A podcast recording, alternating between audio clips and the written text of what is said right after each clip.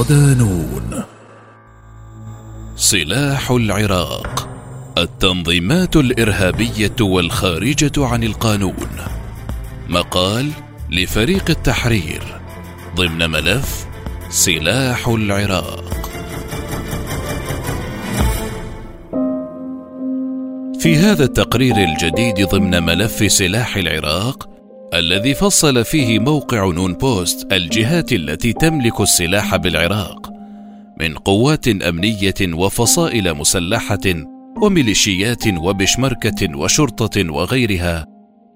تتناول الأسطر التالية ملف السلاح الذي تمتلكه الجماعات الخارجة عن القانون والتي تضم الجماعات المتطرفة والأيديولوجية كتنظيم داعش وحزب العمال الكردستاني التركي بي كي كي. بداية التنظيمات المتطرفة. لم يعرف العراق التطرف الفكري المرتبط بالدين الإسلامي على مدى تاريخه الذي يسبق الغزو الأمريكي للبلاد عام 2003 إذ ومع اكتساح القوات الأمريكية للأراضي العراقية حلت سلطة الائتلاف المؤقتة الأمريكية جميع الأجهزة الأمنية العراقية وبدأت بتشكيل نواة جديدة للقوات الأمنية في البلاد. غير أن هذا القرار أدى لتسريح مئات الآلاف من القوات الأمنية في الجيش والشرطة والقوات الخاصة والحرس الجمهوري والفدائيين ومع عدم نيل كثير من هؤلاء حقوقهم المالية التقاعدية ومع حملة الاعتقالات التي طالت الكثير منهم اضطر آلاف من الضباط إلى هجرة البلاد خوفا على حياتهم كما إن آخرين فضلوا مقاومة الغزو الأمريكي بالسلاح والقوة. ومع إعلان الكثير من الجهات عن بدء مقاومة الغزو الأمريكي عام 2004 وإعلان التنظيمات عن نفسها علانية من خلال البيانات وتبني العمليات ظهرت الجماعات المتطرفة في البلاد. يقول الخبير الأمني العراقي حسن العبيدي في حديثه لنون بوست إن أول ظهور علني للجماعات المتطرفة في البلاد كان عام 2004 عندما أسس الأردني الجنسية أبو مصعب الزرقاوي تنظيما أطلق عليه قاعدة الجهاد في بلاد الرافدين حيث قاد تمردا مسلحا دمويا ضد الحكومة العراقية والقوات الأمريكية والعراقيين بمختلف توجهاتهم. ورغم أن غالبية ما كان يعرف حينها بفصائل المقاومة العراقية كانت تتجنب استهداف المدنيين العراقيين والأجهزة الأمنية الحكومية إلا أن العبيدي يؤكد أن تنظيم الزرقاوي اوغل في دماء العراقيين من خلال مئات السيارات المفخخة التي فجرها التنظيم في مختلف المدن العراقية وأوقعت آلاف القتلى من مختلف الأطياف. ويرى العبيدي أن تنظيم الزرقاوي المتطرف ومختلف الفصائل المسلحة حينها استفادت في تسليحها من الأسلحة التي تركها الجيش العراقي، فضلا عن استفادتها من ضباط الجيش السابق الذين التحق بعضهم بهذه الفصائل مع ما يملكونه من خبرة عملياتية ميدانية وتدريب عالي المستوى على مختلف أنواع الأسلحة. لم يعش الزرقاوي طويلا إذ تمكنت القوات الأمريكية بمساعدة قوات الصحوة السنية التي شكلتها الولايات المتحدة من الإطاحة بالزرقاوي في يونيو حزيران 2006 حيث قتل في غارة جوية. ومن ثم حل محله القيادي في التنظيم أبو أيوب المصري الذي أعلن بعيد توليه المسؤولية عن تأسيس دولة العراق الإسلامية.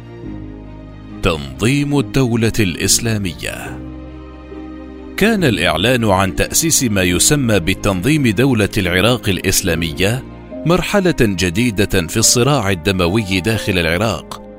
إذ تسبب الصراع الدموي الذي قاده التنظيم بمقتل عشرات آلاف العراقيين على يد التنظيم أو على يد فرق الموت الشيعية التي انتقمت من العرب السنة في سعيها للانتقام من التنظيم الذي نكل بالسنة أكثر من الشيعة بحسب الباحث السياسي محمد عزيز. وعن كيفية تطور الفكر المتطرف في العراق يقول عزيز في حديثه لنون بوست لم يكن العرب السنة متطرفين في العراق في جميع الحقب الزمنية التي سبقت الغزو الأمريكي عام 2003 إلا إن التطرف انتشر في أوساط السنة بسبب التهميش الكبير الذي مارسته حكومة نور المالك الأولى والثانية بين عامي 2006 و2014 ويضيف أن التهميش الحكومي للسنة والاعتقال العشوائي للشباب والإعدامات من قبل الشرطة الاتحادية والميليشيات أدت لانخراط الكثير من الشباب في التنظيمات المتطرفة ومنها ما يسمى بتنظيم الدولة الإسلامية الذي استفاد كثيرا من مقتل قائده أبو أيوب المصري عام 2010 وتولي أبو بكر البغدادي قيادة التنظيم.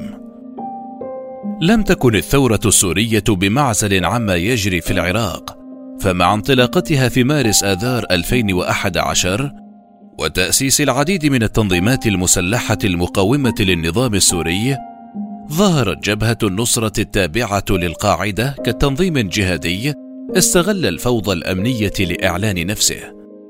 وجدت جبهة النصرة نفسها على وفاق مع الأفكار المتشددة لتنظيم الدولة الإسلامية في العراق، ليعلن التنظيم بالعراق عن اندماجه مع جبهة النصرة السورية وتأسيس ما بات يعرف بالدولة الإسلامية في العراق والشام داعش في التاسع من مايو أيار 2013 وذلك بحسب ما أكده الباحث في الشأن الأمني رياض العلي. ويفصل العلي في حديثه لنون بوست عن الظروف التي تهيأت للطرفين للإعلان عن اندماجهما إذ يرى أن الوضع الأمني في العراق الذي كان متدهورا وعدم وجود قوات حرس حدود عراقية مع سوريا فضلا عن سيطرة فصائل مسلحة أبرزها النصرة على الجانب الآخر من الحدود والمتمثلة بالحدود السورية إضافة إلى سهولة العبور بين جانبي الحدود وتوفر السلاح لدى النصرة من المستودعات التي تركها الجيش السوري. كل هذه الظروف ساعدت على اندماج التنظيمين المتطرفين وإعلان تأسيس تنظيم داعش. دولة داعش كان لاندماج التنظيمين في العراق وسوريا تأثير كبير على الوضع بالعراق. إذ ومع اتساع التظاهرات الشعبية في المناطق السنية بالعراق المطالبة بالإصلاحات الحكومية، استغل التنظيم تذمر المدن السنية العراقية من القوات الحكومية والبطش الذي مارسته القوات الأمنية حينها. وبعد سبعة أشهر على تأسيس التنظيم، يقول العلي: إنه في الرابع من يناير كانون الثاني 2014 استطاع تنظيم داعش السيطرة على مدينة الفلوجة العراقية التي تبعد عن العاصمة العراقية بغداد قرابة سبعين كيلومترا نحو الغرب. ويؤكد العلي أن التنظيم استفاد من سمعة الفلوجة في مقاومة القوات الأمريكية حيث كانت المدينة على امتداد السنوات بين 2003 و 2014 مركز التمرد المسلح ضد القوات الأمريكية في العراق وشهدت معركتين ضاريتين عام 2004 مع القوات الأمريكية. على الجانب الآخر من الحدود، لم يتأخر تنظيم داعش في السيطرة على مدينة الرقة السورية التي حولها بعد أيام من المعارك مع فصائل المعارضة السورية إلى مقر لقيادة التنظيم في الرابع عشر من يناير كانون الثاني 2014 وبذلك استطاع التنظيم بسط سيطرته على مساحات شاسعة من البلدين ما هيأ للتنظيم فرصته في اكتساح المدن العراقية والسورية في يونيو حزيران 2014 انتشار التنظيم وسلاحه. مع احتلال تنظيم داعش لمدينة الموصل في العاشر من يونيو حزيران 2014 وانسحاب أربعين ألف جندي من الحكومة العراقية كانوا يشكلون ثلاثة فرق عسكرية. سيطر التنظيم على المدينة التي تعد ثانية كبريات المدن العراقية في عدد السكان. حيث ترك الجيش أسلحته المتنوعة وهرب إلى مدن أخرى دون أي مقاومة. وبالعودة إلى الخبير الأمني حسن العبيدي يؤكد أن قيمة ما تركه الجيش والشرطة في الموصل يضاهي مليارا ونصف مليار دولار. ويشمل قرابة ألف عربة هامفي عسكرية مدرعة إضافة إلى عدد كبير من الدبابات الروسية وخمسة عشر دبابة أمريكية من طراز أبرامز. فضلا عن مئات الآلاف من البنادق الروسية والأمريكية وعدد لا يحصى من العتاد والقنابل وقاذفات الصواريخ RPG 7 فضلا عن طائرتين مروحيتين روسيتين لم يستطع التنظيم استخدامهما بسبب عدم توفر الوقود الخاص اللازم لتشغيلهما. ويرى العبيدي أن قيمة هذه الأسلحة تقتصر على الموصل فقط وأن الرقم قد يكون ثلاثة أضعاف إذا ما احتسبت كمية الأسلحة التي سيطر عليها التنظيم خلال سيطرته على محافظات الأنبار وصلاح الدين وأجزاء من كركوك وديالي وأطراف العاصمة بغداد. أما رياض العلي فيرى من جانبه أن الأسلحة التي استولى عليها داعش من العراق جعلته يصمد ثلاث سنوات في قتاله القوات العراقية مشيرا إلى أن الفساد في الجيش العراقي كان حاضرا في تسليح داعش إذ إن سقوط مدينة الرباد عام 2015 بيد التنظيم كان متوقعا إلا إن قيادة الجيش حينها ووزارة الدفاع العراقية لم تفعل الكثير لأجل عدم تكرار سيناريو سيطرة داعش على أسلحة القوات الأمنية في الموصل حيث تركت الأسلحة في الرماد كهدية للتنظيم بحسبه. انتهاك المعارك واستمرار داعش. استطاعت القوات الأمنية العراقية بمساعدة التحالف الدولي الذي تقوده الولايات المتحدة الأمريكية وعلى مدى ثلاث سنوات من استعادة المدن واحدة تلو الأخرى رغم الخسائر البشرية والمادية الفادحة التي تكبدتها تلك القوات والمدنيون في مناطق القتال على حد سواء. ورغم إعلان رئيس الوزراء العراقي الأسبق حيدر العبادي تحرير جميع الأراضي العراقية من سيطرة التنظيم في العاشر من ديسمبر كانون الأول 2017 إلا إن التنظيم لا يزال يشن عمليات عسكرية تستهدف القوات الأمنية العراقية والمدنيين في مختلف المناطق العراقية مستفيدا من الخلايا النائمة للتنظيم في مختلف المناطق. ووفق مصادر أمنية هرب المئات وربما الآلاف من عناصر التنظيم إلى المناطق الصحراوية والجبلية الوعرة في مناطق متفرقة من العراق. حيث أعاد التنظيم الانطلاق من تلك المناطق لشن هجمات خاطفة بأسلوب حرب العصابات ضد القوات الأمنية التي بدورها شنت حملات عديدة على هذه العناصر خلال العامين الأخيرين وقتلت عشرات منهم دون الحد الكلي من الهجمات.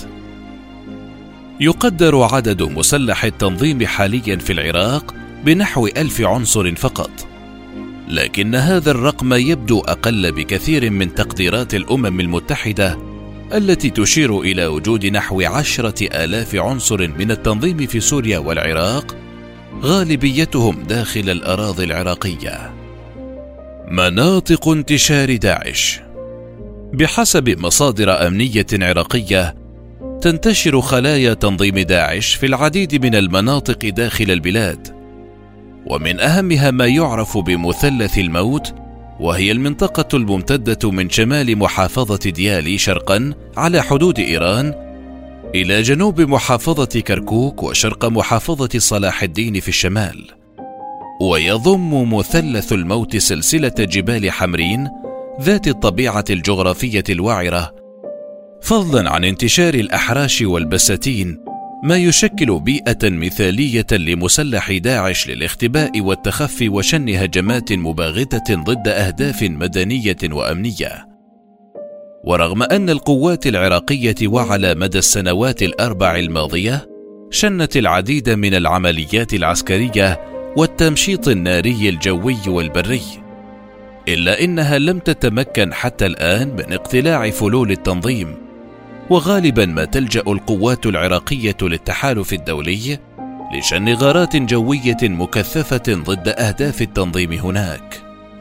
ليس مثلث الموت وحده الملاذ الذي يتخذه تنظيم داعش في العراق إذ إن صحراء الأنبار القاحلة تشكل الغالبية العظمى من مساحة المحافظة.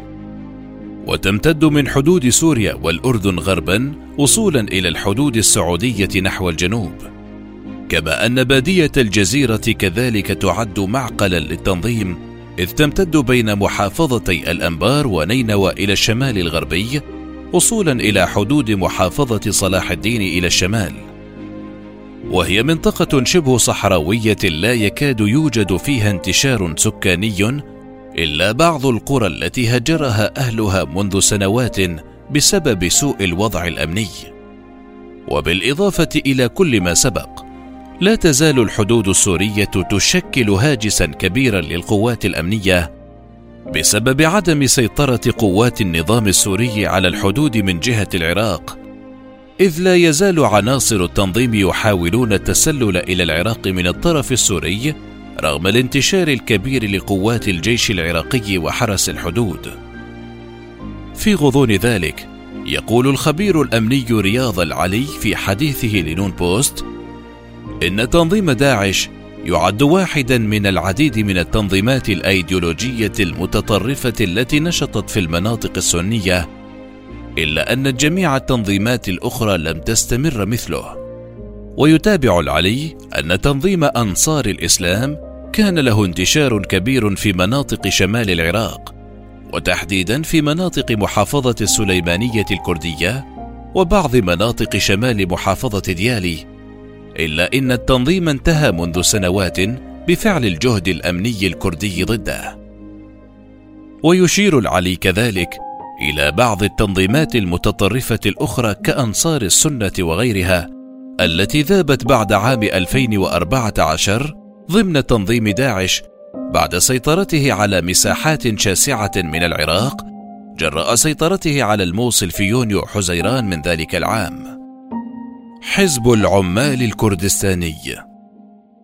منذ عقود من الزمن وحزب العمال الكردستاني التركي المعارض يشكل هاجسا امنيا واقتصاديا لتركيا التي تأسس فيها.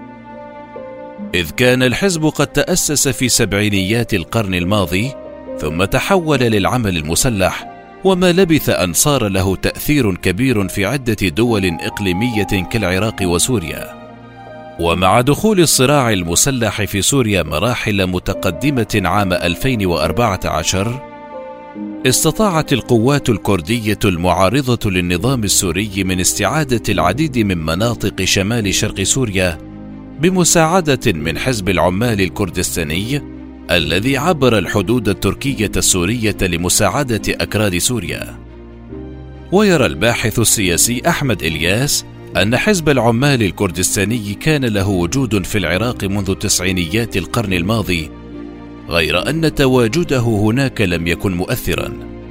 لافتا إلى أن التحول النوعي في وجود مقاتليه في العراق حدث عام 2014 بعد اكتساح تنظيم داعش مناطق قضاء سنجار شمال غرب العراق.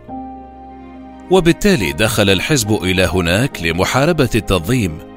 واستطاع فرض أجندته على المنطقة من خلال تعاونه مع المقاتلين الإيزيديين. ويرى إلياس في حديثه لنون بوست أن العمال الكردستاني استفاد من منطقة سنجار لتوسيع نفوذه في العراق. معللا ذلك بأن سنجار لديها حدود جبلية وعرة مع المناطق التي يسيطر عليها الأكراد في الجانب السوري. وبالتالي باتت أحد أهم معاقل الحزب في العراق بعد جبال قنديل الفاصلة بين الحدود العراقية التركية من جهة محافظة دهوك التابعة لإقليم كردستان العراق. الانتشار والحجم. بحسب مصدر أمني عراقي فإن حزب العمال الكردستاني يتواجد في العديد من المناطق العراقية في شمال البلاد. وأوضح المصدر الذي اشترط عدم الكشف عن هويته في حديثه لنون بوست أن التواجد الرئيس لمقاتل الحزب يتمثل في سلسلة الجبال الطبيعية الفاصلة بين العراق وتركيا. وتابع المصدر أن ثاني أهم معقل للحزب يتمثل في منطقة سنجار وعلى طول الحدود العراقية السورية في تلك المنطقة. إضافة إلى تواجد مقاتل الحزب في منطقة مخمور جنوب شرق مدينة الموصل، إضافة إلى تواجد كبير للحزب في محافظة السليمانية شمال شرق العراق. لا يكاد يمر شهر في العراق دون إثارة ملف حزب العمال الكردستاني في سنجار وانتشاره فيها وعرقلة عودة النازحين واستغلال مواردها. إذ يكشف قائد مقام سنجار السابق محمى خليل في حديثه لنون بوست أن سنجار باتت خارج سيطرة الحكومة العراقية منذ سنوات بسبب تواجد مقاتل العمال الكردستاني وسيطرتهم على مناطق واسعة. وأوضح خليل أنه بحسب الإحصاءات تبلغ أعداد مقاتلي حزب العمال الكردستاني في مناطق سنجار وغرب نينوى نحو ستة آلاف مقاتل من الأكراد والإيزيديين. وعن مناطق انتشار العمال الكردستاني في سنجار أوضح خليل أن مقاتلي الحزب ينتشرون في مناطق واسعة غرب مدينة الموصل وهي مدينة سنجار وناحية سنوني والقحاطنية والطريق الرابطة مع سوريا. لافتا إلى أن مقاتلي الحزب يهربون البضائع والسلع الممنوعة والأسلحة من وإلى سوريا وأكد أن مقاتلي الحزب باتوا يتحكمون بالأوضاع السياسية والاقتصادية في تلك المناطق ولهم اليد الطول مدراء الدوائر فضلا عن منع عودة النازحين إلى ديارهم في مركز القضاء والنواحي والقرى التابعة له. أما الصحفي رياض الحمداني فيؤكد أن حزب العمال الكردستاني أسس عام 2014 قوة مسلحة من الإيزيديين وبات يطلق عليهم اليبشة وباتت هذه القوة هي الحاكمة في المنطقة. إذ عينوا إدارة محلية خاصة بهم بعد الاتفاق مع الحشد الشعبي. كما يضيف الحمداني في حديثه لنون بوست أنه منذ عام 2015 بات لحزب العمال مقرات وقواعد عسكرية خاصة في عمق جبل سنجار مؤكدا أن قوات اليابشة المتحالفة مع العمال الكردستاني لا تتجاوز أعدادها الألف وخمسمائة إيزيدي. أما بقية المقاتلين والذين يقدر عددهم بالآلاف فهم من جنسيات أخرى تركية وسورية وإيرانية ويمتلكون سيارات دفع رباعي حديثة يقدر عددها بنحو 700 سيارة مجهزة بمختلف أنواع الأسلحة الخفيفة والمتوسطة. ورغم الرفض العراقي لتواجد مقاتل حزب العمال الكردستاني في العراق، إلا أن الحكومة العراقية لم تفعل الشيء الكثير لطرد الحزب من البلاد، ما أعطى ذريعة لتركيا في شن عشرات العمليات العسكرية والغارات الجوية داخل الأراضي العراقية. وفي هذا السياق يرفض عضو البرلمان العراقي المنحدر من سنجار ماجد شنكالي والمنضوي ضمن الحزب الديمقراطي الكردستاني استمرار وجود الحزب في سنجار مؤكدا أن وجودهم غير منطقي ولا يمكن تبريره مشيرا إلى أن العمال الكردستاني هو حزب تركي. وإذا كان الحزب يسعى للحصول على حقوق الشعب الكردي في تركيا فعليه أن يعمل على ذلك داخل الأراضي التركية بحسب تعبيره. وأوضح شنكالي أن استمرار وجود العمال الكردستاني في سنجار وغيرها من المناطق أعطى ذريعة للقوات التركية لتنفيذ كثير من الهجمات الجوية والمدفعية التي ذهب على إثرها الكثير من الضحايا المدنيين سواء في سنجار أو مناطق أخرى في إقليم كردستان العراق. وتشن القوات التركية منذ سنوات عمليات عسكرية مستمرة ضد مقاتل الحزب في العراق ومؤخرا توغلت القوات التركية لما يقارب أربعين كيلومترا داخل الأراضي العراقية وأقامت قواعد مؤقتة وثابتة في محافظة دهوك لأجل ضمان عدم عودة مقاتل الحزب غير أن ملف الحزب لا يزال عصيا على الحل بحسب الباحث السياسي محمد عزيز. ويتابع في حديثه لنون بوست أن ملف حزب العمال الكردستاني وتواجده داخل العراق يعد خرقا للسيادة العراقية لافتا إلى أن بعض الجهات المسلحة في العراق مما يعرف بالفصائل الولائية تعمل مع مقاتل الحزب بمبدأ التخادم المصلحي والعسكري والاقتصادي. ويكشف عزيز أن قوات من الحشد الشعبي والفصائل الولائية منتشرة في مناطق مخمور وفي مناطق سنجار كذلك. وتشير المعلومات أن هناك تعاونا بين الجهتين على اعتبار أن حزب العمال الكردستاني يحظى بدعم من قبل إيران التي تواليها الكثير من الفصائل المسلحة المنتشرة في مخمور وسنجار. بعد ثمانية عشر عاما من غزو العراق وإنفاق عشرات مليارات الدولارات على ملف التسليح للقوات الأمنية العراقية لا يزال ملف الجماعات المسلحة المتطرفة والقومية والخارجة عن القانون يشكل هاجسا امنيا داخل البلاد.